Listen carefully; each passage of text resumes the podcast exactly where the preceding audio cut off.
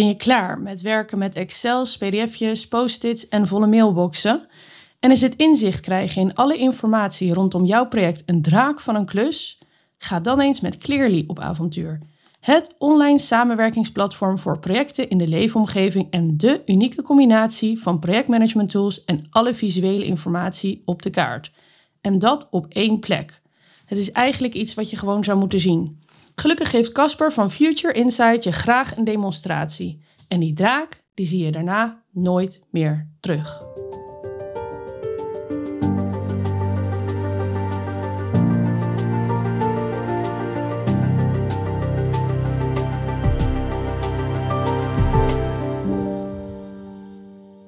Welkom bij een nieuwe aflevering van Omgevingsmanagement, de podcast. Mijn naam is Carlijn Bergsoef en vandaag ben ik op bezoek bij Maarten Otto. Welkom Maarten. Ja, dankjewel. Wil je wat meer over jezelf vertellen? Ja, mijn naam is uh, Maarten Otto. Ik ben uh, de voorzitter van de Raad van Bestuur van Alliander, netwerkbedrijf. Uh, actief is in zes provincies. Gelderland, Flevoland, Friesland, Noord-Holland, een deel van Zuid-Holland. En ook nog een paar straten in de provincie Utrecht. Ja, ja, ja. Dat, wat is dat voor verhaal?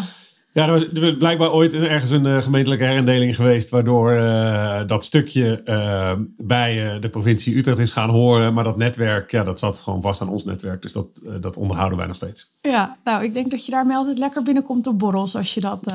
Is altijd een leuk praatje. Ja, ja, ja, ja, altijd hetzelfde grapjes ook, of niet? nou ja, dat is wel een van de leuke, leuke vragen die je kan beantwoorden over. Goh, doe eens even een leuk weetje. Ja. dus net als dat je bijvoorbeeld hoeveel kilometer elektriciteitsnet hebben wij oh, in de grond? Ja, ongeveer 90.000 kilometer. Zo. Dus twee keer de wereld rond. Zo. Nice. Ja. Nice. Hey, en als ik dan even een heel soepel bruggetje mag maken, wat ik ook een heel leuk weetje vind, ja. is dat jij je carrière ooit begonnen bent als omgevingsmanager. Zeker. Wij kennen elkaar van project A4 Delft Schiedam. En uh, nou, alle twee dus een compleet andere richting opgegaan. Hoe ben jij vanuit je rol van omgevingsmanager gegroeid naar ja, de CEO van uh, Liander, Alliander? Um, ja, dat is eigenlijk best een, een, een even een verhaal. Hè? Dus de, dat is niet zomaar gegaan. Dus ik, ik werkte bij Twijnsta Gudde. Daar was ik vooral op actief, een beetje in de driehoek van bestuurskundige, veranderkundige, organisatiekundige vraagstukken. Een van de opdrachten die ik deed was dus de, omgevingsmanagement van de A4 Delft-Schiedam. Um, en nou, daar heb ik veel in gedaan. Op een gegeven moment dacht ik, ik wil uh, uh, een volgende stap zetten, meer leren. Ook wat breder kijken. Dus toen ben ik naar een ander bureau gegaan. Dat heet Ten Haven Change Management. Daar was ik vooral actief om organisaties te helpen bij twee kernvragen. Namelijk, doen we de goede dingen? En doen we die dingen dan goed? en dat was mooi en eervol werk. zowel bij Twijnse Gudde als bij Ten Haven. Maar op een gegeven moment dacht ik ook, goh, heb ik dit dan wel eens zelf gedaan? Want ik was natuurlijk altijd adviseur of werd ingehuurd. Ja. Nou, het antwoord op die vraag was nee. Dat ik, misschien moet ik daar wat aan gaan doen. Uh, dus toen ben ik gaan zoeken naar een plek waar dat kon. En ik wilde graag uh, werken op een plek waar uh, je ook nou, werkte aan een grote transitie. waar je van maatschappelijke betekenis was. En waar ik ook wat kon met mijn achtergrond. Nou, gesolliciteerd kwam ik bij Liander te werken. Daar werd ik manager strategie en omgeving. Uh, en was ik onder andere verantwoordelijk voor het strategisch omgevingsmanagement, wat wij uh, te doen hadden of hebben. Uh, in de contacten met bijvoorbeeld gemeenten, maar ook met provincies. Met wij wie we natuurlijk veel afspraken moeten maken over hoe ziet het energiesysteem er nu en in de toekomst uit. En wat gaat er dan aankomen, wat hebben wij daarvoor te doen. Um, leuk. Nou, ja, zeker leuk. En dat heb ik dus nou, iets meer dan anderhalf jaar gedaan. Ehm, toen werd ik gevraagd om uh, nou, toen ging ik onder andere vanuit die rol uh, meewerken aan de onderhandelingen voor het klimaatakkoord. in, vooral in de voorbereiding daarvan. dus wat meer op strategisch dus niveau. toen werd het allemaal iets strategischer. Dat was leuk en dat ging ook goed. Toen ben ik vanuit daar ben ik directeur corporate, corporate and social affairs geworden. Um, daarmee werd ik ook verantwoordelijk voor de strategische stakeholdercontacten met de ACM, met EZK, met de uh, uh, Binnenlandse Zaken, dus met de ministeries, met de Kamer, met de aandeelhouders. En dat heb ik ruim anderhalf jaar gedaan. En toen werd ik door de commissarissen gevraagd of ik voorzitter van de Raad van Bestuur wilde worden. Ja, gaaf hoor. Ja, ja we hadden het er net al even over, maar ja, ja, je bent nog geen veertig. Ik vind dat wel een hele, hele toffe stap.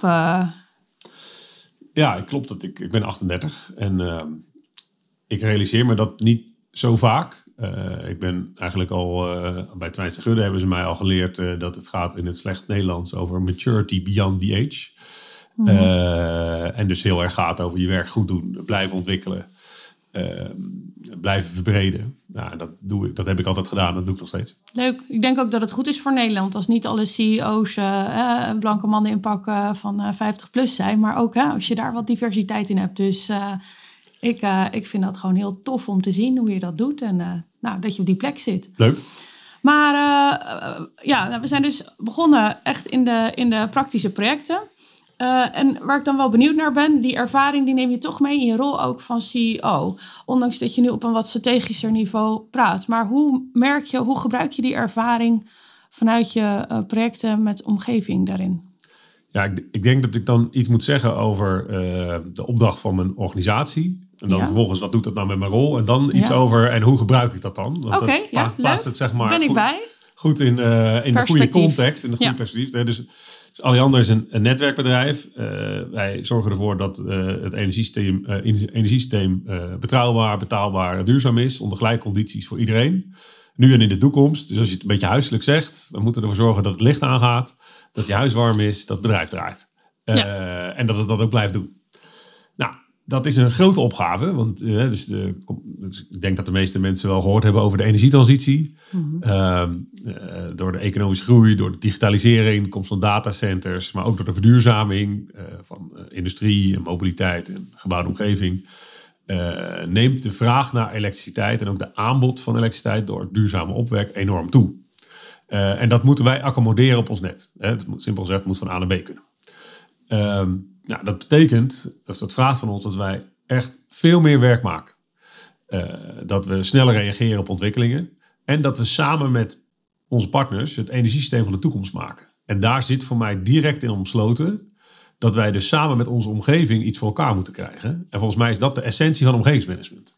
Dus uh, het werken aan een collectief systeem, wat wij doen, impliceert voor mij al dat er wederzijds afhankelijkheid is en een langdurige relatie. En dat impliceert voor mij weer, hey, hier hebben we wat te doen met omgevingsmanagement. Nou, dat zie ik ook terug in mijn rol als CEO. Ehm, eh, want als ik werk aan onze opgave, ben ik eigenlijk de hele dag bezig met duurzame relaties maken. Ja. Omdat ik weet dat we die nodig hebben. Nou, en ook dus dat is kennis ophalen bij je stakeholders? Ja, dus dat is en uh, eigenlijk in het speelveld van al die afhankelijkheden zorgen dat wij uh, dingen agenderen over wat we denken dat er moet gebeuren. Dat we inzichten en uh, um, ontwikkelingen ophalen, inderdaad, bij stakeholders. Over hoe zij kijken naar vraagstukken, maar ook over wat zij te doen hebben of waar ze zich zorgen over maken.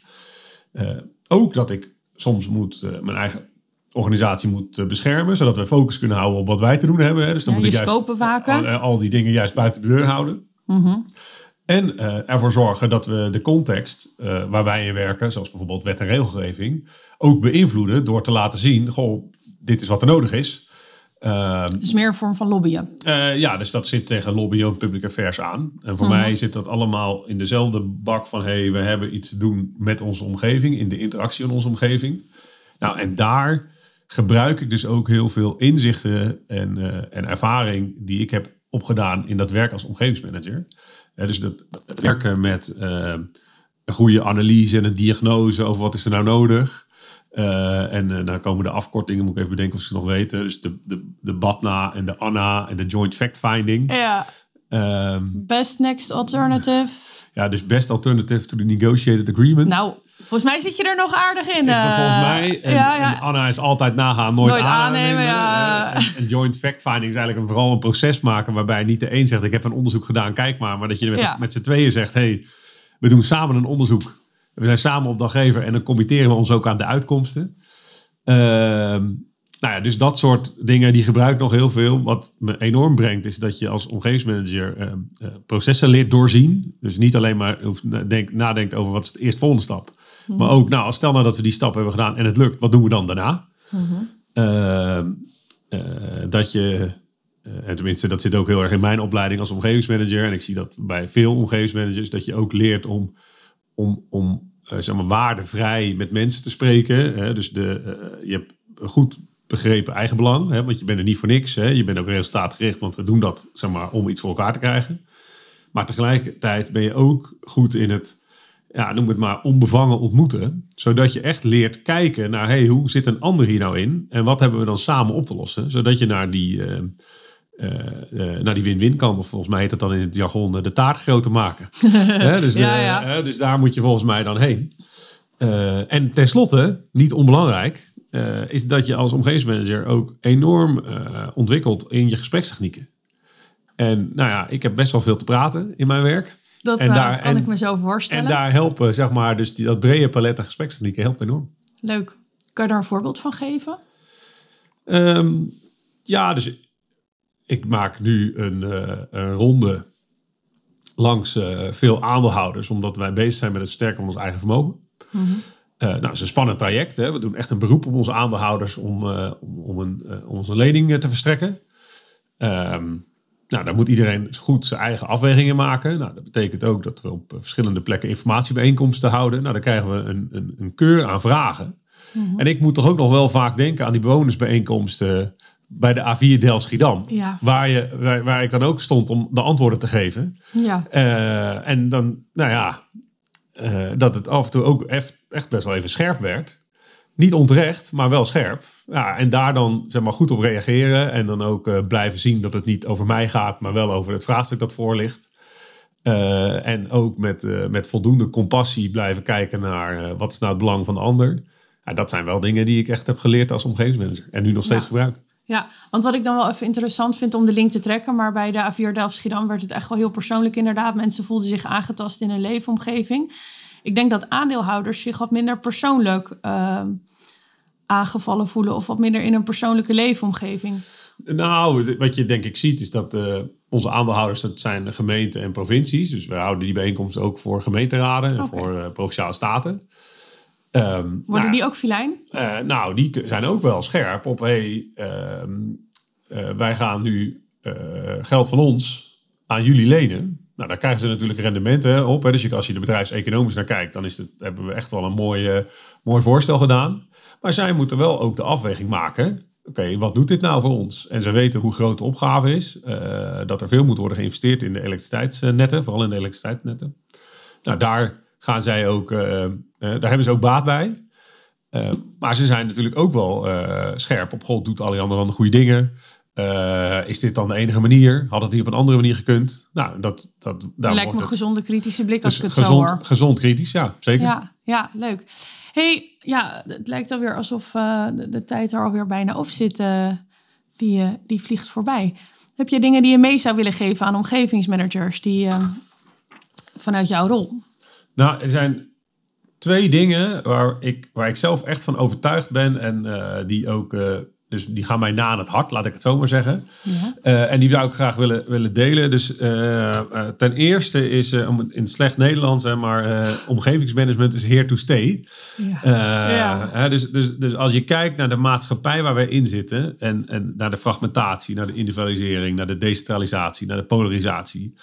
Eh, en de grote transities waar we voor staan, dus de energietransitie, eh, eh, stikstof, woningbouw, zorg, mobiliteit, klimaat, al die grote vraagstukken, daar moeten we dingen voor elkaar krijgen. En voor mij staat omgevingsmanagement ook echt voor iets voor elkaar krijgen. Niet alleen maar kijken naar proces, ook naar inhoud, ook naar resultaat, maar wel ervoor zorgen dat, dat je het met elkaar kan doen. Dus de samenleving en de overheid kunnen die grote vraagstukken niet alleen oplossen. Dus het verbinden van de markt, van het maatschappelijk middenveld, van overheden, van burgers, van andere belanghebbenden, ja, daar kan en ik denk zal eh, omgevingsmanagement een superbelangrijke rol in spelen. Nou, leuk dat je dat zegt, want meestal zie je bij omgevingsmanagement voor mijn gevoel alleen de kosten die het met zich meebrengt, maar de baten die zijn af en toe wat, eh, ja, die zijn wat lastiger soms uit te drukken in, eh, in geld, waar toch vaak op gestuurd wordt.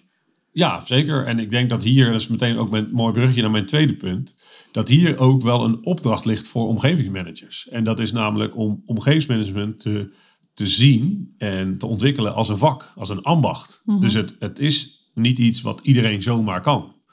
En Nee. dat vraagt dat je zeg maar expliciet bent over wat je doet. Dat je dat ook eh, eh, dat je dat valideert, dat je daarop reflecteert, dat je, dat je het methodiseert. Dus dat je echt kan gaan overdragen, hé, hey, maar dit is waarom we dit doen. En, eh, en daar ook eh, daarmee dus ook professionaliseert, zodat je ehm, kan laten zien, dit is de waarde die wij creëren. Zo krijg je dus dingen voor elkaar.